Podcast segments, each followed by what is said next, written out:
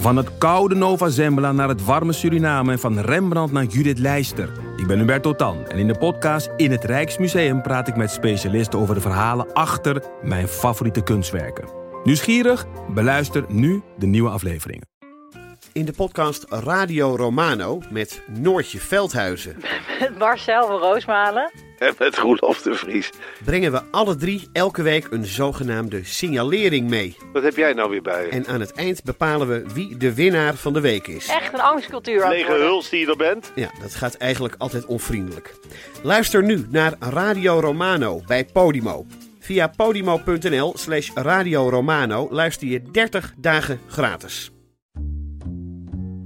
Hallo, vanaf de redactie van de Groene Amsterdammer is dit uw wekelijkse podcast. Ik ben Kees van der Bos.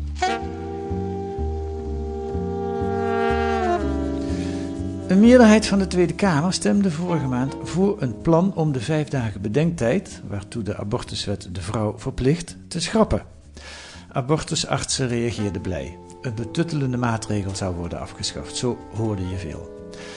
Aan de andere kant is er de anti-abortusbeweging, eh, pardon, de pro-life beweging. Dat klinkt positiever. En die beweging groeit en bloeit in de luwte.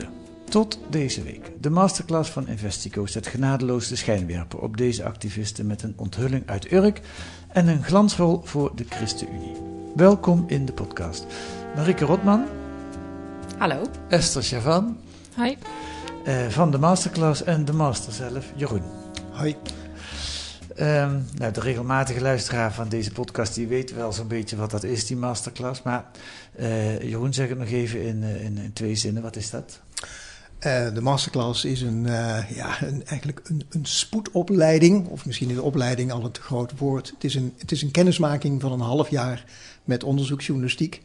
ehm, waarbij we masters, afgestudeerde masters, vanuit diverse vakken, eh, dus niet per se journalistiek, Nee. eh, de journalistiek in proberen te loodsen. En dat gaat dan eh, eh, met een aantal eh, bijeenkomsten. En, en, één, en het moet uitmonden, als het goed is, in één groot onderzoek. Eh, en dat hebben jullie gedaan, Marike en Esther, samen met, laten we even de collega's allemaal noemen. Eh, met Romy van den Burg, Gina Lavour en Allard van der Woude. Oké. En het grote onderwerp was in dit geval, eh, is in dit geval de anti-abortusbeweging. Nou weet ik eh eens een beetje hoe dat gaat. Je moet eh, in die masterclass allemaal een pitch doen in het begin van wat zullen we eens gaan onderzoeken. En ik heb me laten vertellen, Esther, dat jij de pitch hebt gedaan voor dit onderwerp. Hoe kwam je erop? Ehm, ik zocht eigenlijk al een jaartje naar een excuus om hierover te kunnen schrijven. Over de Ehm, anti-abortusbeweging. Ja, specifiek over de abortuspilstopper, ehm, die een beetje de rode draad van het verhaal vormt. Ehm, en waar de undercover actie uiteindelijk mee is gebeurd. Gaan we zo allemaal uitgebreid horen. Ga door. Ja. Ik had een jaar geleden ongeveer de website abortusinformatie.nl gevonden. Eigenlijk via eh, hobbyonderzoek dat ik al een tijdje deed naar geldstromen uit de VS. Mhm. Ehm, en ik zocht eigenlijk een beetje een reden om daarover te kunnen schrijven. En toen ik eh, bij de masterclass werd toegelaten en hoorde dat we twee onderwerpen mochten inleveren, dacht ik, nou, dit is echt het perfecte moment. Ja. En wat, wat, wat pitchte je? Want soms is wat, waar je mee begint iets heel anders dan waar je mee eindigt. Weet je nog waar je mee begon?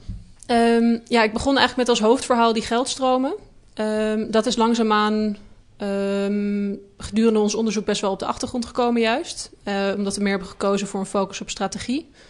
Ehm, maar dat hoofdnieuwsitem van die abortuspilstopper... daar sloegen Thomas en Jeroen eigenlijk in eerste instantie ook al op aan. Toen we nog niet zeker wisten wat we gingen kiezen. En dat had je al vanaf het begin? Ja. Oké, interessant. Maar je wist natuurlijk nog niet op welke manier het in dit onderzoek Nou, bevestigd zou worden. Kijk, ik wist dat, dat het bestond. En in Amerika is er al een paar jaar discussie over dat er wetten worden geschreven om dit middel, wat niet bewezen is, te, te verplichten, bijvoorbeeld. Ja. Ehm, of verplicht als optie aan te bieden door artsen. Ehm, en ik wist dat het in Nederland een optie werd gezegd te zijn. Mhm. Maar ik wist natuurlijk nog niet of dat klopte. ehm, wat voor middel het was, wat het inhield, hoe het hier echt terecht was gekomen. Dat soort dingen zijn we allemaal tijdens het onderzoek achtergekomen. Voordat we daar, want dat is ook het nieuws van jullie artikel. Nou, er zit wel meer nieuws in, vind ik, vooral eh, qua achtergrond. Maar het echte harde nieuws is die eh eh, abortuspilstopper. En Marieke, jij speelt daar ook een grote rol in, want je bent undercover gegaan. Maar eerst even een andere vraag. Welke, want je gaat dan met z'n vijven zo'n onderzoek doen. Welke lijnen zagen er in het begin wel veelbelovend uit, maar zijn om welke reden dan ook afgevallen? Weet je dat nog? Nou, ik denk eigenlijk de belangrijkste lijn zijn wel die geldstromen. Want die zijn wel lang in ons onderzoek een, een rol blijven spelen. En die hebben we ook best wel, vooral Esther, echt uitgebreid uitgeplozen. Ja. Maar op een gegeven moment bleek gewoon dat die eigenlijk misschien wel minder belangrijk waren dan de strategie die overkomt uit eh, Amerika. Ehm, en dat, dat ehm, pro-life organisaties in Nederland en in Europa eigenlijk best wel goed in staat zijn om hier aanspraak te maken op subsidies en zich op een bepaalde manier voor te doen, zodat het lijkt alsof ze een neutrale organisatie zijn. Dus dat geld uit Amerika is misschien helemaal niet zo hard nodig als wij denken, maar de strategie en de ehm, manieren om jouw eigen standpunt, door te dringen met jouw eigen standpunt in een vrij progressief Europa, die zijn eigenlijk veel belangrijker. Komen we ook nog op. Is inderdaad heel interessant. Uh, Jeroen, ik even aan jou. Jij en Thomas leiden die masterclass, Thomas Muns. Um, had je meteen bij de pitch van uh, Esther het idee, dit gaat het worden? Of moest je nog overtuigd worden? Nou, er lagen natuurlijk tien pitches op tafel. Ja. En uh, um, je moet niet vergeten dat één van die tien dezelfde masterclass al heeft uitgevoerd. Want dat was een onderzoek eh, midden in coronatijd, waarin we de witwasserij in de Amsterdamse toeristensector in beeld kregen. Dat was ook best bijzonder. Over het algemeen doen we met de masterclass één groot project. Ja. Um, maar nu moesten we beginnen vanwege de actualiteit met dat andere onderwerp, want dat konden we niet uitstellen. Ah. Dus uh, dat hebben we toen eerst gedaan. En het siert deze masterclass dat ze in staat zijn geweest om daarna nog, nog een groot onderzoek op te pakken. Ja. Um, dat was overigens nog steeds wel een strijd. We hebben diverse ijzers in het vuur gehouden, nog vrij lang. We hebben vrij lang gediscussieerd. Langer misschien dan voorheen over welk onderwerp het zou worden. Dus uh, dat bijvoorbeeld zo'n spijtpil, uh, dat dat een heel catchy onderwerp is en heel belangrijk. Uh, niemand weet het. Het is echt belangrijk dat, dat je ziet dat dingen in de VS, maar dus uiteindelijk ook hier alle rol spelen. Terwijl we daar allemaal nu een heftige mening over hebben. Maar het is vols, volslagen onbekend, dus dat is een goed teken. Ja. Oké, nou laten we dan naar die spuitpil gaan, want dat is wel uh, redelijk spectaculair. Uh, Marike, jij bent undercover gegaan om dat uit te zoeken. Waarom undercover? Want dat is niet de eerste keus van een onderzoeksjournalist. Nee, dat, dat wilden we ook bij voorkeur liever niet doen. Um, maar nou, we wisten van het bestaan, of van het vermoedelijke bestaan van die pil. Wat is het voor pil? Het, is, het wordt de abortuspilstopper genoemd, omdat wat het dus doet is um, een medicinale abortus tegengaan. Dus als je, als je ervoor kiest om abortus te doen met een pil, dan krijg je twee behandelingen die 48 uur uit elkaar liggen. En na die tweede behandeling worden, worden de weeën opgewekt en, en krijg je dus een abortus. En als ik goed begrepen heb, is dat eigenlijk de standaardprocedure tot negen weken. Tot negen weken. Ja. Als je bij een abortuskliniek ja. komt, dan krijg je eerst een pil en twee dagen later nog een pil en dan is de abortus onder begeleiding natuurlijk. Ja. ja. Oké, okay, maar dan heb je nog daartussendoor de mogelijkheid om spijt te krijgen en dan kun je een pil nemen na die eerste pil. En dan doe je toch geen abortus. Ja, het idee is, uh, eigenlijk bestaat die pil uit heel veel pillen uh, progesteron, een overdosis eigenlijk. Uh, en het, het, het, idee op papier is dat die eerste abortuspil stopt de aanmaak van progesteron. Ja. En door dan heel veel progesteron in de baarmoeder te pompen, zoals deze beweging zelf zegt, um, ga, wordt dat effect tegengaan en zou het embryo weer in je baarmoeder mo moeten nestelen en zou je je zwangerschap kunnen uitdragen. Is dat een officiële pil? Mag dat in Nederland? Het is niet.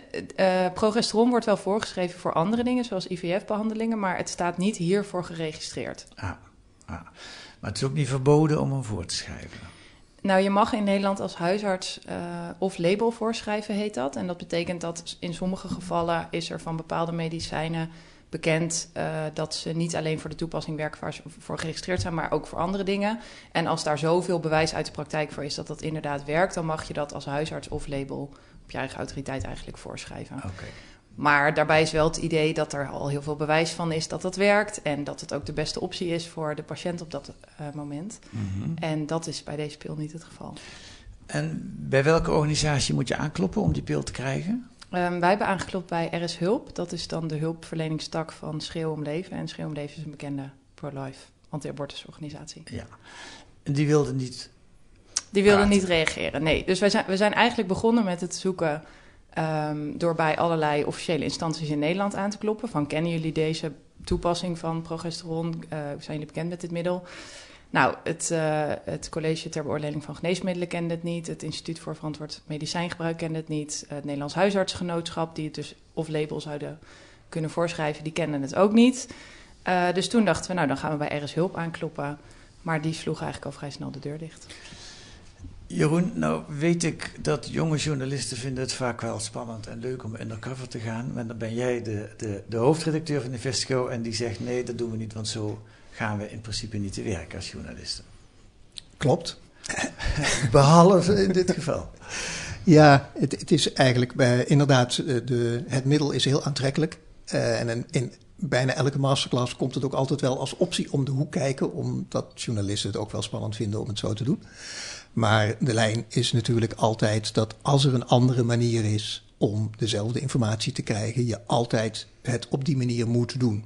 En was er geen andere manier? Nou, in dit geval dus echt niet, want het bleek ook, het is wel een vrij ge- geïsoleerd clubje dat de spil is voor het voorschrijven hiervan. En ehm, eh, als dat clubje de deur dichtgooit, met gewoon letterlijk als argument, eh, ja, we staan jullie niet te woord, want eh, de groene is, ehm, eh, wat is Niet neutraal. Niet Pro- neutraal. Pro-choice en derhalve niet neutraal. ja, de, ja, dus ja, ja oké, dan, dan, dan weet je dat het ook echt bewust de deur wordt gesloten. Ja. En eh, er was inderdaad geen andere manier om te achterhalen hoe gaat dat dan. Hm. Eh, dus ja, dit waren vragen die we normaal gesproken ook aan de persoon zelf kunnen schrijven. Hoe doen jullie dit? Ja. Hoe snel gaat het? Wat vragen jullie aan mensen? Nou, door het te ondergaan moet ik zeggen dat er wel veel meer informatie naar boven kwam als dat je in een normaal interview krijgt. Want de snelheid waarmee dit gegaan is, de vragen die niet werden gesteld, geen enkele interesse in de medische geschiedenis, geen enkele kennis daarover, schokkend. Ja, daar komen we zo op nog één eh, vraag vooraf. Een andere journalistieke manier om dit op te lossen zou nog kunnen zijn dat je een vrouw vindt die hem gebruikt heeft. Hebben jullie dat geprobeerd? Ja, dat, dat, was waar, Esther. dat was de e-mail waarop de reactie kwam dat wij derhalve niet neutraal zijn. Omdat we met eh, de Groene Amsterdammer en eh, Argos soms samenwerken. Maar wacht even, jullie hadden een vrouw gevonden? Ja, dus ik, heb, ik ben. ehm we hebben een reportage gedaan bij de Mars voor het Leven natuurlijk. Dus we hebben daar een paar mensen gesproken. Die wordt elk jaar gehouden. Ja. Eh, Bert Do uh, Doornbos, van de, de oude oprichter van de EO, is daar een grote man achter. Ja, ja, en dus Bert Doornbos heeft ook, de, heeft ook Schreeuw om Leven opgericht. Ja. Dat is dezelfde man. Ja, het zijn allemaal, Ehm, allemaal namen van clubjes. Er is Hulp, Schreeuw om Leven, de Mars voor het Leven. Allemaal heel Ja. positief gerichte clubs. Hè? Ja, een Nederlandse patiëntenvereniging die ook in, in het langere versie van ons stuk inderdaad eh, beschreven wordt. Ja. Ja, dus dat was in november. Ehm, en daar hebben we veel vrijwilligers gesproken. En een daarvan ehm, hebben we langer mee gepraat, omdat hij één specifieke vrouw noemde die het meest recent zo'n pil had genomen en nu nog zwanger was. En vond dat een succesverhaal. Ja. En we dachten, nou, dat klinkt goed. Daar willen we wel graag mee praten. Ehm, ze wist niet meer of die vrouw Irakees of Iraans was, maar ze sprak in ieder geval niet zo heel goed Nederlands. En was dus bij een abortuskliniek nadat ze ehm, weer naar buiten was gekomen, was ze overtuigd dat dit een optie was voor als ze spijt kreeg en eh, bel ons maar en eh, je kan het zo en zo doen. Ja. En toen heeft ze die pil dus voorgeschreven gekregen. Ehm, en we hebben geprobeerd dus via via met haar te praten. En eerst werden er excuses opgeworpen als... nou ja, ze spreekt niet zo goed Nederlands of we weten het niet. Of nou ja, ook begrijpelijke verhalen zoals... ze is zwanger, weet je, ze heeft, ze heeft het druk. Ehm, en toen hebben we uiteindelijk in plaats van alleen via de vrijwilligers... ook geprobeerd via de organisatie zelf centraal... dus met haar of met iemand anders die het al eerder was ondergaan eh, te praten. Ja. En toen werd de deur eigenlijk gewoon dichtgegooid. Ze zeiden, we willen hier niet aan meewerken. Duidelijk. Nou, alle deuren zijn dicht. En toen veranderde Marieke in uh, ME. Nee, Romy veranderde in ME. Oh. En ik zat ernaast op te nemen. Oké. En ME uh, was een, uh, een, een, jong meisje die uh, zwanger is, die twijfelde, die naar de abortuskliniek was gegaan, die de eerste pil had gekregen, die over twee dagen de andere pil zou krijgen. En die, die denkt, nee, verdomme, ik doe het toch niet. En die belt met Er is hulp, neem ik aan. Ja, klopt. Hoe ging dat? Wat gebeurt er dan? Nou, Romy die is dus in de huid van ME gekropen met echt uh, hele goede acteerskills. En um, die, uh, uh, nou, we hebben hele eigenlijk tijdlijnen uitgeschreven en een heel script van wat dan haar verhaal zou zijn. En toen hebben we er is hulp gebeld. Um, en in de eerste instantie was het nog best wel chaotisch, want ze zeiden vrij snel... oh ja, we willen je wel helpen, maar onze hulpverlener is even in gesprek, we bellen straks terug. Nou, toen hebben we denk ik een uur zitten wachten, wat heel spannend ook was. En ook dat we op een gegeven moment dachten, ja, als er nu echt iemand zwanger was, dan zat er wel haast achter. Dus we bellen maar weer even terug. En toen kwam eigenlijk de aap uit de mouw, namelijk uh, de arts waar zij normaal gesproken mee samenwerkte, de arts op Urk. Die um, was overleden twee weken daarvoor aan corona. Um, dus ze hadden eigenlijk een probleem, want er was niemand meer die die pil voor kon schrijven. Mm -hmm. uh, dus toen hebben ze nog even overlegd en toen hebben ze uiteindelijk teruggebeld. En toen zeiden ze, ja, het enige wat je nog kunt doen is direct naar die praktijk bellen. En misschien kunnen zij hem alsnog voorschrijven. Nou, dus dat heeft ME gedaan. Um, en toen zeiden ze eigenlijk gelijk, ja hoor, dat kunnen we nog wel voorschrijven. Um, wat, is je, je, wat zijn je gegevens? Dan schrijven we het nu voor. En een half uurtje later lag hij klaar. En was er een medische controle aan vooraf gegaan? Nee, nee. Um, Romy als ME heeft in elke keer dat we iemand gesproken hebben, heeft ze gevraagd: is het wel echt veilig? Um, zijn er medische risico's? En er is daar altijd verzekerd door zowel RS Hulp als um, de huisartspraktijk van er hangen echt geen risico's aan. Uh, wel gaven ze aan dat ze het nog niet zo heel vaak hadden voorgeschreven, dus dat ze ME graag wilden volgen. Mm-hmm. Um, maar er was geen enkele medische controle. Er werd ook eigenlijk niet gevraagd naar haar medische geschiedenis. Uh, en net voordat er op werd gehangen, werd nog snel even gevraagd: Oh, hoe lang ben je eigenlijk zwanger? Hm. Dus ze informeerde toch wel, mag ik hopen, dat ze net nog in die termijn zat waarin je die pil kunt nemen, of zelfs dat niet? Ja, dat waren ze eigenlijk half vergeten. Nou, ze hebben niet geïnformeerd hoe lang het geleden was dat ze die abortuspil had genomen. Nee, maar dat, dat heeft ze wel in de eerste instantie in het verhaal zelf oh, verteld. Verteld, ja. Goed, dan, dan krijg je dus dat recept. Uh, en dan ga je daarna niet meer undercover bellen met die uh, dokterspraktijk die dat voorgeschreven heeft. En dat levert een hilarisch gesprek op en daar ga ik nu een stukje van laten horen. Wat is, er, wat is het feit? Je kunt gewoon mij toch het feit noemen wat er niet mag? Ja, Dan kan ik daarop reageren. Maar het feit is dat er een middel is voorgeschreven. We hebben een aantal vragen over dat middel. En we hebben een vraag over uh, het feit dat dat middel is voorgeschreven op de artsencode van een arts die overleden was op dat moment. En wat is, en daar, je, wat is daar je probleem mee? Dat dat niet mag. En wat wil je daarmee? Nou, daar dat willen we daar... graag een reactie op wie ja. dat dan wel heeft voorgeschreven. De handtekening is niet van een overleden persoon, dat is echt van een arts geweest. Ja? En dat is gewoon, nee, nee, nee, uh, dus ik ontken ten stelligste dat dit gewoon de, uh, uh, voorgeschreven is door een arts die daar gewoon toe bevoegd is en niet overleden was. Dat is de reactie die ik daarop wil geven. Maar dat is, dat is, dat is niet juist. Want de, toen wij dit middel besteld hebben, was deze arts al overleden. En het is op zijn persoonlijke huisartsencode voorgeschreven. Dat heb ja, dat is dan een fout geweest die de apotheek gemaakt heeft. Nee, dat is niet nee, een fout van de apotheek. De apotheek krijgt dat is hetgeen. Ik, ik heb meer te doen, dames. Ik wens jullie veel succes met jullie rioolrattenjournalistiek. Wil je verder op reageren? Want... Ja, dat, is, uh, dat, dat zou natuurlijk een code zijn die aan de praktijk gekoppeld is. Maar nee, het is nee, echt nee, door een... Uh... Zijn naam staat ook op het recept. Daar schrijft Hier stop ik het uiteindelijk voorgeschreven. Wie was het? Een ge gelegitimeerde arts, ja.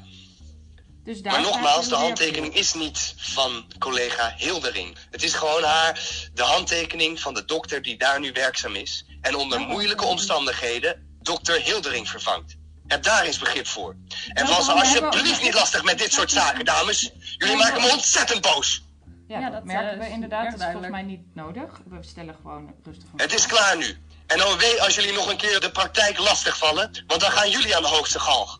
Aan de hoogte, oké, okay, nou dat is. Uh, ja, dan zal, dan zal ik er een journalist erbij halen hoe jullie te, hoe jullie te omgaan met de praktijk, waar de praktijkhouder net is overleden. Uh, Schaam je, diep dames. De, laten we het even houden bij de feiten. Wegwezen. Met, uh, Wilt u nog andere... reageren op het feit? Ik wil niet reageren. Onderwaterfiguren zijn jullie. Bah. Ja.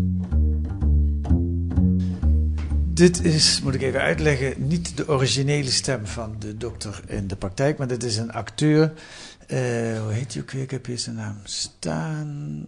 Uh, Mark Stoffels, die wel precies naspeelt qua de intonatie en de woorden wat de woordvoerder van die praktijk, uh, Steenbrink in Urk, zegt. Um, nou, er is nogal wat mis met hem. Laten we eerst even kijken hoe gevaarlijk is het middel eigenlijk? Of is het, kan het kwaad wat, wat ME zogenaamd hier voorgeschreven heeft gekregen? Um, Nou, er is dus heel weinig onderzoek naar gedaan. Eigenlijk, er is één onderzoek gedaan door een uh, pro-life huisarts uit uh, Amerika... die zich voordoet als werkende bij een universiteit. En die zegt het werkt. Het replicatieonderzoek dat ernaar is gedaan is voortijdig stopgezet... omdat een groot deel van de vrouwen die meedeed met ernstige bloedingen naar het ziekenhuis moeten. Dus dat indiceert wel dat er, dat er behoorlijk gezondheidsrisico's aan hangen. Um, en wat in ieder geval, nog even los van die overdosis progesteron uh, gevaarlijk is, is het niet nemen van die tweede abortuspil. Uh, het tweede deel van die abortuspil. Mm -hmm. Want dat kan ernstige bloedingen veroorzaken. Um, dus dat is gewoon heel onverantwoord om dat te stimuleren. En daarnaast, ja, een overdosis progesteron, daar zitten allerlei bijwerkingen aan die daarbij uh, kunnen optreden van duizeligheid en misselijkheid tot angst. maar die die bloedingen zijn natuurlijk wel het, het ernstigste wat ja. er potentieel kan gebeuren. Dus het lijkt medisch nogal onverantwoord wat hier ja, gebeurt. Ja, en de, de apothekersvereniging en eigenlijk ook de andere organisaties die we spraken, die zeggen ook: dit is echt onverantwoord om zomaar op vrouwen los te laten in het veld zonder ja. verder onderzoek.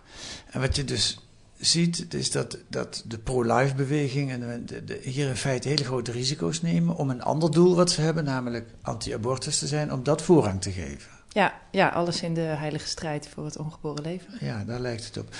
Dit is wat jij ook uh, vermoedde dat er zou gaan gebeuren, Esther, toen je dit plan maakte? Um, ja, in het begin vermoeden of hoopten we natuurlijk dat we ofwel met de organisaties verantwoordelijk konden praten, um, ofwel met, met vrouwen die dit hebben meegemaakt. Um, maar ja, in zekere zin lag het natuurlijk uh, wat er gebeurt tijdens de undercover actie wel in lijn met wat we wat we verwachten. Want we hebben natuurlijk het proces van tevoren door met verschillende mensen te praten en uh, ervaringsverhalen te lezen, natuurlijk wel geprobeerd te kijken: oké, okay, hoe verloopt dit proces? Wat kunnen we verwachten? Hoe kunnen we ons hierop voorbereiden? Waar moeten we naar vragen? Wat voor vragen worden er normaal gesteld? Dat soort zaken. Ik neem aan dat dit nog wel een staartje krijgt voor die dokter. Want er is dus ook iets gewoon illegaals gebeurd. Er is iets voorgeschreven op naam van een arts die overleden is. Hebben u daar, uh, is de inspectie gewaarschuwd? Of wat hebben jullie gedaan? Ja, ja we hebben contact gezocht met de inspectie. Die, um, nou, die reageerde nog iets minder onder de indruk dan wij wel hadden verwacht. Hoezo? Uh, um, ze vonden dat het op uh, vrij kleine schaal gebeurde en daardoor leek ze het niet helemaal serieus te nemen. Maar ze hebben wel aangegeven uiteindelijk in hun reactie dat, um, uh, dat, ze, dat ze nog wel willen kijken, verder onderzoek willen doen en eventueel aangifte willen doen. Oké. Okay. Nou ja, wat jullie onomstotelijk hebben aangetoond is dat het gebeurt. Maar hoe vaak het gebeurt, dat weten jullie ook niet, hè, denk ik. Of wel, Jeroen? Nou, um, dat weten we niet. We weten alleen dat de inmiddels overleden huisarts uh, in het verleden gezegd heeft dat, het, dat hij het ongeveer 15 keer per jaar voorschreef. Mm. En wat wij dus niet wisten, en, maar ondertussen wel vermoeden, is dat hij, of hij de enige is. Nou, we denken ondertussen dat hij inderdaad de enige is, was, uh, die dat deed. Dus dan zou het inderdaad op iets van 15 keer per jaar voorkomen. Ja, ja, ja. Um, goed, nou hebben we heel erg gefocust op het nieuwsding uit jullie onderzoek. Het andere nieuws, dat moeten mensen maar lezen in De Groene, maar ik wil toch even kort aanstippen. Uh, wat ik nogal onthullend vond, vind in jullie artikel, is de, de, de slimme manier waarop de anti-abortusbeweging in Nederland aan haar financiële middelen komt. Om maar één voorbeeld te noemen, je hebt de NPV, de Nederlandse Patiëntenvereniging. Maar dat zijn helemaal geen patiënten, dat zijn mensen die, ja, wat, wat is dat eigenlijk? Ja, het, een, een, uh, ja, het is eigenlijk een lobbyorganisatie als je op hun website kijkt. Het, het, is een organisatie die zich inzet voor de beschermwaardigheid van het leven. Uh, en een van de drie pijlers van hun organisatie is beleidsbeïnvloeding. Dus zij uh, proberen actief het debat te beïnvloeden over abortus. Maar ze zitten ook in allerlei medisch-ethische adviescommissies en uh, ronde tafels en um, overlegorganen. En dan vraag je aan het ministerie van uh, Gezondheidszorg: uh, hoe komt het dat deze club geld krijgt? Dat zijn toch geen patiënten? En wat zeggen ze dan? Ja, dan zeggen ze, uh, ze, ze een beetje een vaag antwoord van ze doen wel activiteiten die subsidiabel zijn. En um, ja, ze, het is nou eenmaal van oudsher al zo dat zij uh, subsidie krijgen. Dus we hebben op dit punt coulance verleend. En uit hun antwoord leek te blijken dat dat op meerdere vlakken gebeurt. Maar we hebben de hele lijst met, met uh, patiëntenorganisaties die subsidie krijgen doorgenomen. En er is echt geen enkele organisatie die zo algemeen en zo duidelijk religieus is als, uh, als de NPV. En zou het te maken kunnen hebben dat er een ChristenUnie staatssecretaris zit op dit, uh, Eh, op dit zou kunnen. Het zou er ook mee te maken kunnen hebben dat de voorzitter van de NPV een SGP-senator is. Ehm, Eerste Kamerlid. ja, Oké, eh, ook dat lijkt me nog wel iets wat een staartje zou kunnen krijgen. Eh, tot slot nog een paar vragen. Eén aan jou, Esther. Eh, Maak het je niet makkelijk, maar toch. je hebt net zelf gezegd, of Marieke, dat weet ik niet meer, dat, dat een van jullie uitkomsten van het onderzoek is dat de strategie. dus niet zozeer dat er allerlei verschrikkelijk, heb je ook wel, maar eh, geheime fondsen naar, hier naar Nederland stromen. Maar dat er een strategische invloed is. Wat is dat? Ehm, de belangrijkste manier om het kort samen te vatten is eigenlijk, zeker in progressieve landen als Nederland, ehm, onder de radar blijven met de successen die je boekt. En hele kleine successen stapelen op tot eh, een uiteindelijk voortbewegen van de anti-abortusbeweging. Dus in de VS zie je al ehm, enkele tientallen jaren, sinds ehm, Roe versus Wade en een andere zaak. Dus de, nou ja, de belangrijkste anti-abortus of pro-abortus wetgeving die er was in Amerika. Die is gebaseerd op die zaken. Ja. Daar zijn sindsdien andere zaken geweest die ervoor hebben gezorgd dat je ehm, wel op andere manieren toch aan dat recht kunt, kunt afknabbelen. Namelijk vooral door hele kleine wetswijzigingen in te voeren over ehm, een bepaalde informatieverplichting van eh, dingen als, als eh, medische desinformatie over dat je borstkanker zou kunnen krijgen van abortus, wat helemaal niet waar is.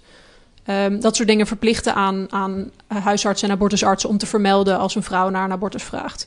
Dus van die hele kleine dingetjes die verplicht worden gesteld. Of ehm, nou ja, wachttijden vallen daar ook onder. Ehm, bepaalde afstanden, bepaalde keuringstechnieken bij, bij abortusklinieken. Om te zorgen dat ze sluiten. Dat soort zaken. Dus hele kleine succesjes die uiteindelijk zorgen dat er nu in de VS veel minder toegang is tot het recht op abortus. Zonder dat het recht zelf eigenlijk is eh, afgekapt. Nou, dan neem ik nog één voorbeeld van zo'n klein succesje in Nederland. Een succesje van de anti-abortusbeweging. Eh, en dat is een ontwikkeling die zich eigenlijk in stilte heeft afgespeeld. Dat begon met een pe- petitie om kinderen die eh, dood geboren worden wel te kunnen erkennen. Daar is een grote beweging voor in Nederland. Dat is natuurlijk groot leed als je kind eh, dood ter wereld komt. En een van de dingen die die ouders wilden was dat zo'n kind opgenomen kan worden in de basisregistratie personen, zodat het bestaat, dat het erkend wordt. Ehm, dat is eigenlijk een, een administratieve handeling. Eh, d- d- Daar deed de politiek helemaal niet moeilijk over. Eh, iedereen wilde dat graag invoeren. Ze wilden er zelfs een hamerstuk van maken, want we gaan daar gewoon niet lang over discussiëren. We gaan dat gewoon doen. Maar toen dacht de SGP'er Roelof Bisschop, eh, ik wil het toch niet helemaal voorbij laten gaan. Wat het moment wil ik even markeren. En die stelde nog even een vraag aan eh, staatssecretaris Blokhuis. Eigenlijk was het een hamerstuk, maar Bisschop zei ik wil er toch even eh, wat over zeggen. Eh, luister welke vraag hij dan formuleert. De SGP wil de staatssecretaris dan ook hartelijk danken voor het wetsvoorstel dat er nu ligt. Het komt tegemoet aan een breed gedragen wens vanuit de samenleving en maakt ook, raakt ook uitdrukkelijk aan de erkenning van de waarde van ongeboren leven. We hebben nog wel een, een vraag over de rijkwijde van het wetsvoorstel. Uit de stukken hebben we begrepen dat alle ouders die in Nederland wonen en dat willen, hun kind kunnen laten registreren op een eigen persoonskaart. Betekent dit dus ook dat het niet uitmaakt of een kind na een zwangerschap van 13 weken of van 36 weken is overleden? En of dit gebeurd is in 2018 of in 1990? We gaan ervan uit dat de staatssecretaris dit volmondig kan bevestigen. Is dit belangrijk, Marike, wat hier gebeurt? Ja, heel belangrijk. Want wat hier gedaan wordt is ehm, bevestigen dat dit ook geldt voor de wettelijke termijn voor abortus. Ehm, en wat er vervolgens gebeurd is, is eh, dat eh, Don Seder, de eh, nummer 4 van de ChristenUnie nu, Advocaat. advocaat, ehm, in ieder geval twee en misschien inmiddels al meer vrouwen heeft geholpen eh, die een abortus hebben gedaan en daar spijt van hadden. en hun kind of hun embryo, foetus die geaborteerd is, ehm, in het, ook in het BRP wilden laten inschrijven. Ehm, wat betekent dat die geaborteerde foetus nu erkend is in het BRP eigenlijk als persoon. En dat ehm, is heel belangrijk, want dat zorgt ervoor dat de juridische status van eh, zo'n foetus nu onduidelijk is in de Nederlandse wet. Hoezo onduidelijk? Nou, omdat in principe eh, wordt een foetus eh, bij abortus niet erkend als een persoon. En als je iemand opneemt of iets opneemt in het BRP, dan wordt hij wel erkend als persoon. Dus dit legt eigenlijk de basis voor het heropenen van de discussie over eh, nou, wanneer iemand een persoon is en dus of abortus geen moord is. Ja, ja. Goed, er staan nog veel meer interessante dingen in, in jullie artikel. Um, lees dat artikel, kan ik eigenlijk alleen maar zeggen.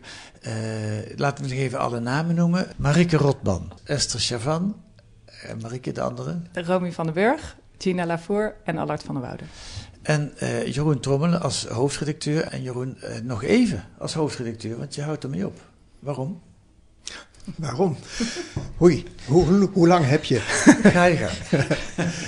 Ach, um, ik hou er na de zomer mee op. Uh, en na de zomer ben ik 65 jaar oud. dat, en, maar nog niet moe. Uh, alleen ik vond wel dat ik moest besluiten of ik, of ik het tot aan mijn 67 zou doen. Hè. Tegen de tijd, dan word ik echt geacht op te krassen. En ik dacht van ja, laat ik nu daarover nadenken. Ga ik dit nog twee jaar doen? En het is best een pittige baan. weliswaar de leukste baan ter wereld, maar ja, pittig. Wat maakt hem pittig?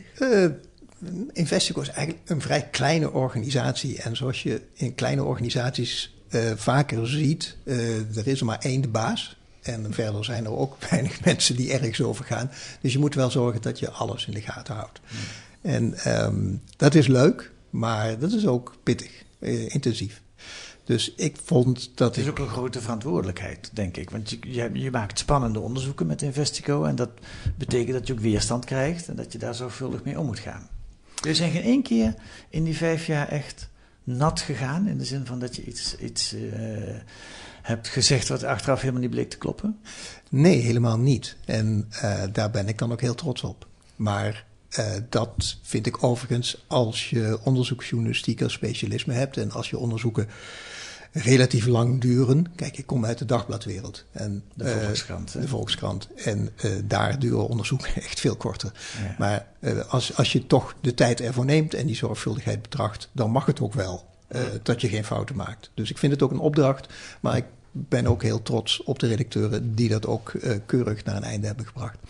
Uh, nee, ik moet zeggen dat die druk waar jij het over hebt, dat dat nou niet, dat dat de job niet zo vreselijk zwaar maakt. Um, maar de, de veelheid. De veelheid. En je moet, althans dat vind ik, je moet wel echt voortdurend alert zijn op alles. Je moet met al die onderzoeken die wij doen, vind ik dat ik een gelijkwaardige gesprekspartner moet zijn voor de redacteuren. Ik moet ze kunnen helpen.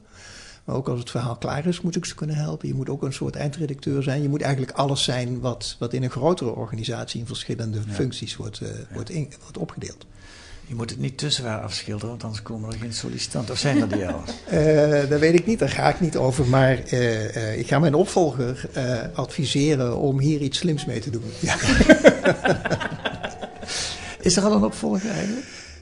nee, de, de, de procedure loopt. Maar uh, daar gaat de huidige hoofdredacteur niet over. We hebben een keurig bestuur, we hebben een redactieraad, we hebben een, uh, een beoordelingscommissie. En uh, daar, daar heb ik. Dat is nou een taak die ik niet heb. Ja. Dat is wel geruststellend. Oké, okay, nou we gaan het zien wie het gaat worden. Dank jullie wel voor jullie komst. Jeroen Trommelen, Marike Rotman en Esther Chavan.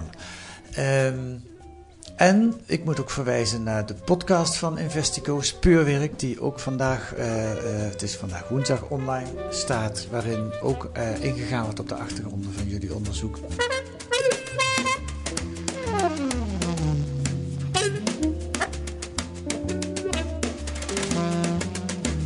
Lees dat deze week in de Groene Amsterdammer. En verder deze week in de Groene een re reconstructie van 20 jaar milieupolitiek in Nederland. De auteurs zitten hier volgende week in de podcast. Hun conclusie: telkens weer verdwijnt de grootste opgave van deze tijd snel op de politieke achtergrond. En wat zal dat zijn, de grootste opgave van deze tijd? Het klimaatprobleem. En in deze dubbeldikke verkiezingsspecial van De Groene ook een onderzoek naar het functioneren van de Tweede Kamer. Ons parlement kent een wildgroei aan debatten, zo blijkt, waardoor een van de belangrijkste taken, het beoordelen van wetsvoorstellen, in het gedrang komt. Dat kunt u lezen met een abonnement of een proefabonnement. Ga dan naar groene.nl. Daar leest u hoe u 15 weken de groene, nee, 10 weken de groene kunt krijgen voor 15 euro op groene.nl. U kunt reageren op deze podcast. Stuur een mail naar podcast.groene.nl. U mag ons ook sterren geven in uw podcast-app, daar worden wij weer blij van. Volgende week zijn we er weer met, zoals gezegd, de, uh, het grootste probleem van deze tijd en hoe er in de politiek mee wordt omgegaan. Deze week werd de podcast gemaakt door Abel Bormans en Kees van der Bos en de muziek is A Tune for N van Paul van Kemenade.